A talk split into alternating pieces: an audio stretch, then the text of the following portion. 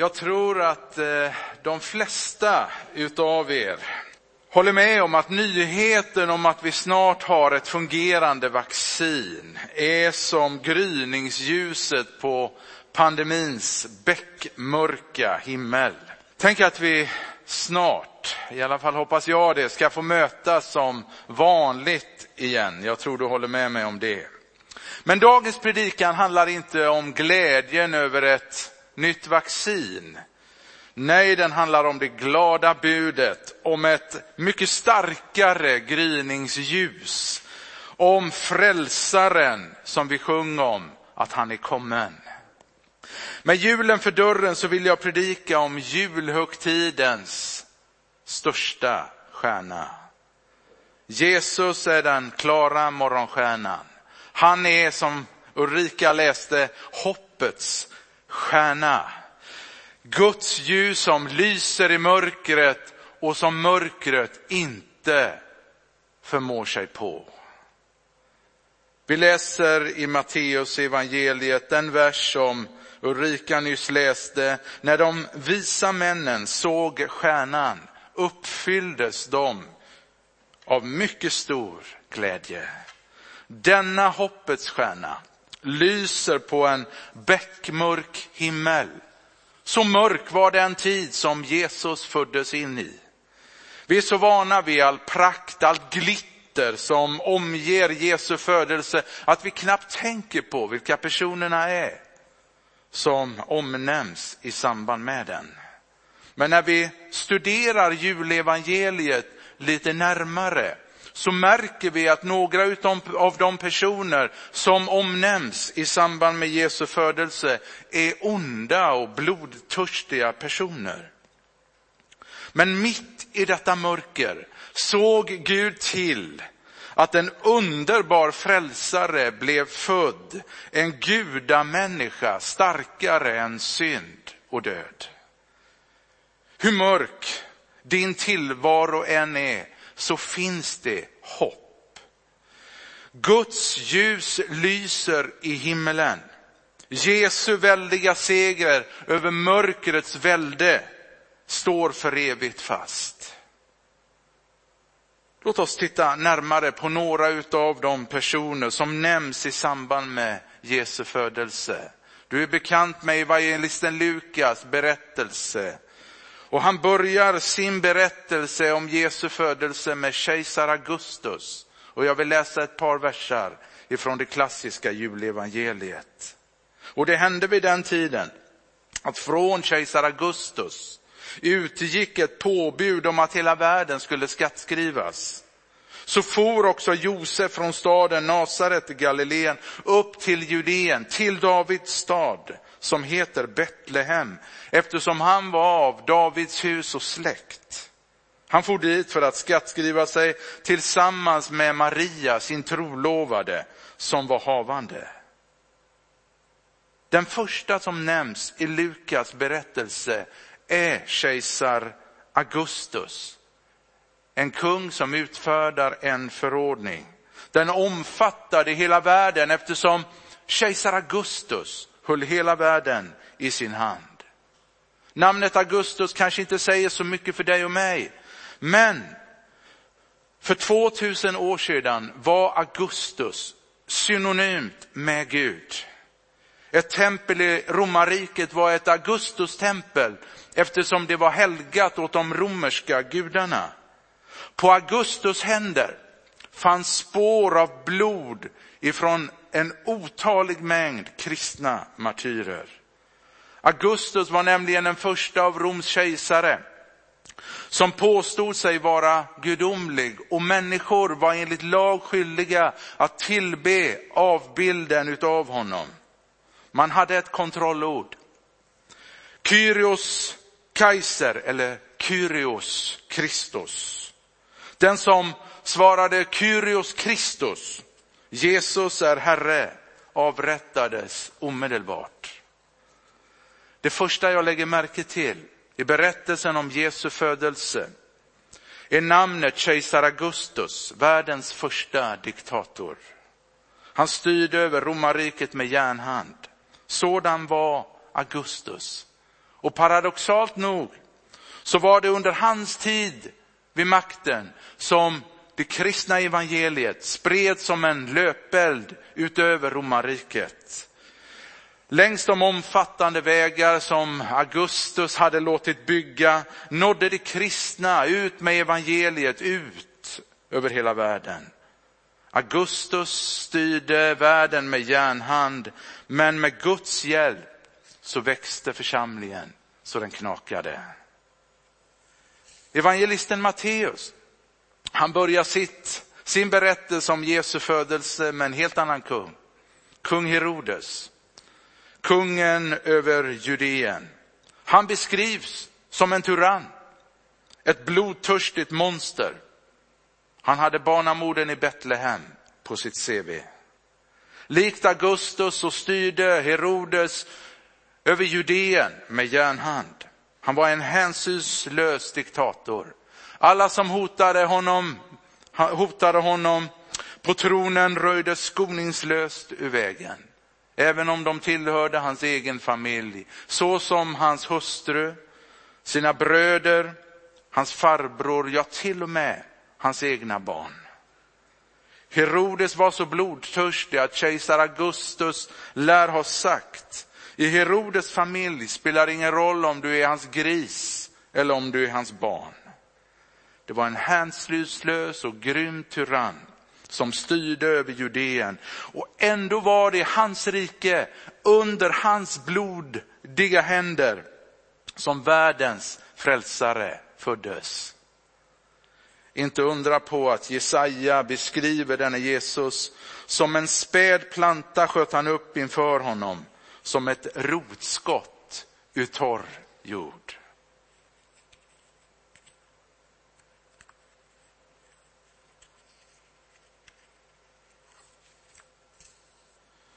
Ur denna vissna och torrspruckna jord skulle odödligt liv växa fram. Vad kan vi säga om denna torra jord? Både Matteus och Lukas berättar om dåtidens andliga ledarskap, översteprästerna. Vilka var dessa överstepräster i en tid då Guds ord kom till Johannes döparen och Jesus och inte till dåtidens ledare? Sällan har religionen varit så andefattig och torr som under dessa dagar under fariseernas och saddukeernas dagar. All form av gudsfruktan och andligt liv var som bortblåst. Sådan var religionen då Jesus föddes. Men ur denna andliga torka föddes tidernas största predikant och evangeliets glada budskap om frälsaren Jesus Kristus. Allt eftersom berättelsen om denne Jesus fortsatte genom apostlagärningarna blev Nero, kejsar Nero, Augustus, den hänsynslöse Nero, och Claudius som han också hette, fortsatte likt sina föregångare att förfölja de kristna och avrätta dem. Men ur denna grymma förföljelse så skriver aposteln Paulus 13 brev innan han själv dog martyrdöden. Ett år innan han halshuggs så skriver han följande i sitt brev till Timoteus. Tiden för mitt uppbrott är inne. Jag har kämpat den goda kampen. Jag har fullbordat loppet. Jag har bevarat tron. Nu ligger rättfärdighetens segerkrans i förvar åt mig. Den ska Herren, den rättfärdige domaren, ge åt mig på den dagen. Och inte bara åt mig, utan åt alla som älskar hans återkomst. Andra Timoteusbrevet är inte Paulus bara hans sista brev, utan också höjdpunkten på hans missionsgärning. Det var denne segerrike Paulus som hade haft ögonen på denne Jesus hela tiden, också under hans svåra stunder. Efter Nero så blev Domitianus nästa kejsar Augustus. Det var han som landsförvisade aposteln Johannes till ön Patmos. Och i hög ålder så landsförvisas han till denna steniga och ödsliga ö, lämnad att dö.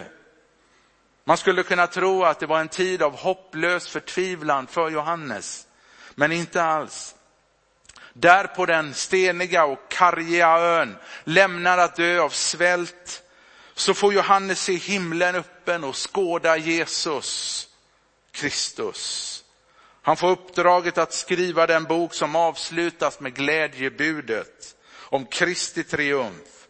Jag, Jesus, är Davids rotskott, hans ättling och den klara morgonstjärnan och som säger, jag kommer snart.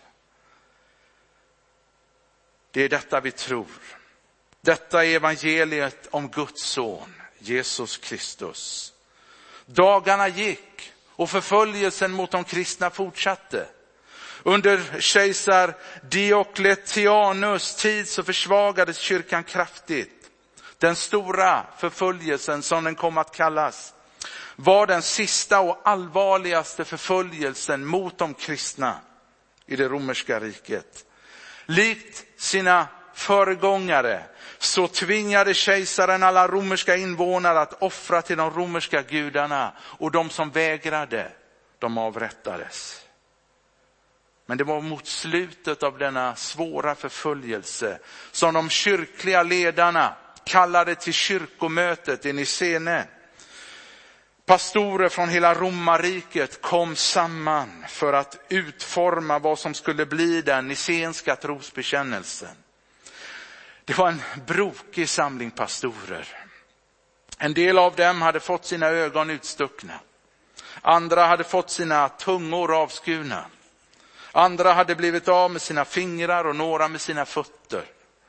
En del av dem hade blivit slagna många gånger med käppar. Så många gånger att de aldrig mer kunde stå upp igen. Så såg de ut, dåtidens predikanter som hade upplevt kejsarens hänsynslösa förföljelse. Men ur denna fruktansvärda förföljelse så författades den nicenska trosbekännelsen som läses i många kyrkor än idag.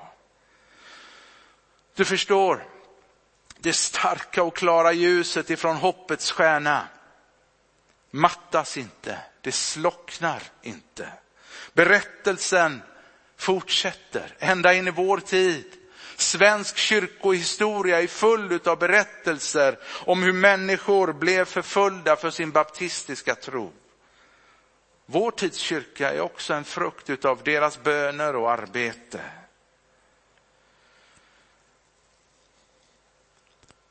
Under denna julhelg så sitter mängder med kristna fängslade på grund av sin tro. Men de har inte förlorat hoppet. De har sina ögon på hoppets stjärna. Israel var på nyheterna igår igen. Jag vet inte om du läste det, om att de nu också har påbörjat vaccineringen mot denna pandemi. Tänk vilka rubriker detta lilla land skapar. Såväl Betlehem som Jerusalem är idag laddade platser trots att de inte ligger långt ifrån varandra, bara en dryg mil, så befinner de sig på var sida av gränsen.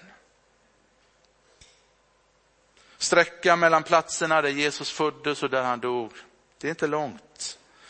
Men rädslan för terror gör sig ständigt påmind. En liten gnista räcker för att en stor konflikt ska blossa upp. Sådan är den värld vi lever i idag. Sådan var också den värld som Jesus föddes in i. Men vad bryr sig Gud om en förordning från kejsar Augustus? Inte mycket. Vad är Herodes makt i jämförelse med Guds väldiga makt? Ingenting. Vad är andefattig religion i jämförelse med den helige ande?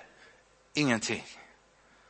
De vise vännen som vi läste om, de kom med gåvor till Jesus guld, rökelse och myrra. Guldet för att han var kung, rökelsen för att han var präst, helig och syndfri och myrran för att han var född att dö. Du vet att myrran kom ifrån ett rökelseträd som växer vilt även idag i delar av Somalia, Etiopien och Arabien. Och på antiken, under antiken så var myrran värd mer i vikt än vad guldet var. Och man använde myrran till parfym, men också till att smörja och balsamera de döda inför deras begravning. Du förstår de vise männen. Vi vet inte hur många de var. Det var tre gåvor, men det kan lika gärna ha varit två vise män. Hur som helst, de kom för att vittna om att denne Jesus, detta Jesus barn, hade blivit fött för att dö i människornas ställe. Men vi läser också vidare i berättelsen att döden inte kunde behålla honom. Jesu tomma kors försäkrar oss om en seger över synd och skuld. Hans tomma grav försäkrar oss om en seger över själva döden. Den segern vill Jesus skänka åt var och en som tror på honom. Detta evangeliets budskap om Jesu död och liv, det är den kristna trons väldoft. Det glada budskapet om Jesus Kristus, det är vårt saliga framtidshopp. För åt Jesus gavs makten, all makt. Han har makten att regera för alltid. Och en vacker dag ska vi som tror på honom ärva Guds rike tillsammans med honom. När jag och du läser i tidningen om allt det mörker som sker i den här världen, är det inte meningen att du och jag ska bli mordfälld och misströsta. Gud är varken mordfälld eller uppgiven. Nej, när du ser hur saker och ting utvecklas på den mänskliga scenen så är det inte meningen att du ska tappa hoppet. Gud har inte gett upp hoppet. Vi läser i psalm 27. Och en här belägra, om en här belägrar mig fruktar ej mitt hjärta. Om krig bryter ut mot mig är jag ändå trygg. Även om världen omkring mig blir allt mörkare och rör sig i fel riktning har Gud fortfarande läget helt under kontroll. Gud har lovat oss, dig och mig, att föra oss säkert fram till vårt himmelska hem. Hoppets stjärna visar vägen. Det var den stjärnan som Rune följde, valde att följa från 27 års ålder, där i Pingstkyrkan i Trollhättan. Och han höll ögonen på den hela vägen hem till Gud. Nu är Rune hemma hos Herren. Nu väntar segerkransen också för honom. Du förstår, dagens predikan är tydlig. Guds folk är ett segerrikt folk. Inte för att vi är ofelbara, utan för att vi genom Jesu död får del av hans seger över synd och död. Vi är ett folk med jul i våra hjärtan hela året om. Inte bara i december utan under alla årets månader. Jesu Kristi slutgiltiga seger och triumf är redan förutsagd. Den är vår. Därför att Gud har sagt det. Och Gud kan omöjligt ljuga. Den ligger och väntar på oss i himlen, som Petrus skriver. Den liksom ligger hoprullad i väntan på att denna vita dräkt också ska kläs på oss. En vacker dag ska vi tillbe honom ansikte mot ansikte och sjunga en ny sång som vi sjöng här förut, Lammets sång. En lovsång till Guds ära för Lammets blod. Så min vän, räta på dig. Fortsätt framåt. Vandra med högburet huvud. Lovprisa Gud för att hans seger blivit din genom Jesus Kristus. Segern är vår, för alltid vår. Detta hopp är våran ledstjärna och den går före oss och leder oss säkert dit där Jesus är. Så jag vill uppmuntra dig och jag vill uppmana dig att göra som de vise männen gjorde. Du kanske inte har guld, du kanske inte har rökelse, du kanske inte har myrra, men du kan ändå ge någonting till Jesus. Och det är dig själv. Den bästa gåvan kan du ge till Jesus, dig själv. Och du som ännu inte tror på honom, kan få ta emot gåvan evigt liv och den helige ande. Så nu när jag säger amen så ber jag dig, var med mig och hylla denne Jesus, frälsaren. Jesus, så tackar vi dig. Hoppets stjärna, morgonstjärnan, gryningsljuset. Att när vi har våra ögon fästa på dig, ja men då vet vi att vi säkert kommer hem. Även om vandringen här nere på jorden är långt ifrån enkel och fri från mödosamma strapatser, så vet vi att den som håller sin blick på hoppets stjärna, han kommer rätt. Herre, jag ber idag för de som lyssnar, för de vi har omkring oss, för de närstående till Rune Johansson. Herre, jag ber idag att vi återigen, Herre, skulle rikta våra ögon, fästa våra ögon på Jesus, hoppets stjärna. Herre, jag tackar dig för att du kommer med mycket tröst till oss i jul, Herre. Oss som hade velat vara tillsammans och fira jul. Till de ensamma. Jag tackar dig Jesus Kristus för att du har kommit oss nära. Det som hände i Betlehem, det kan också hända i vars och ens hjärta att du Jesus föds på nytt i oss. Och denna närvaro utav dig själv, den lämnar oss aldrig. Samme helige ande som gick med Jesus, den är också med oss. Så jag tackar dig för denna underbara närvaro. Välsignelse över denna jul, glädje över denna jul, fröjd över denna jul. Liv i överflöd denna jul. Amen.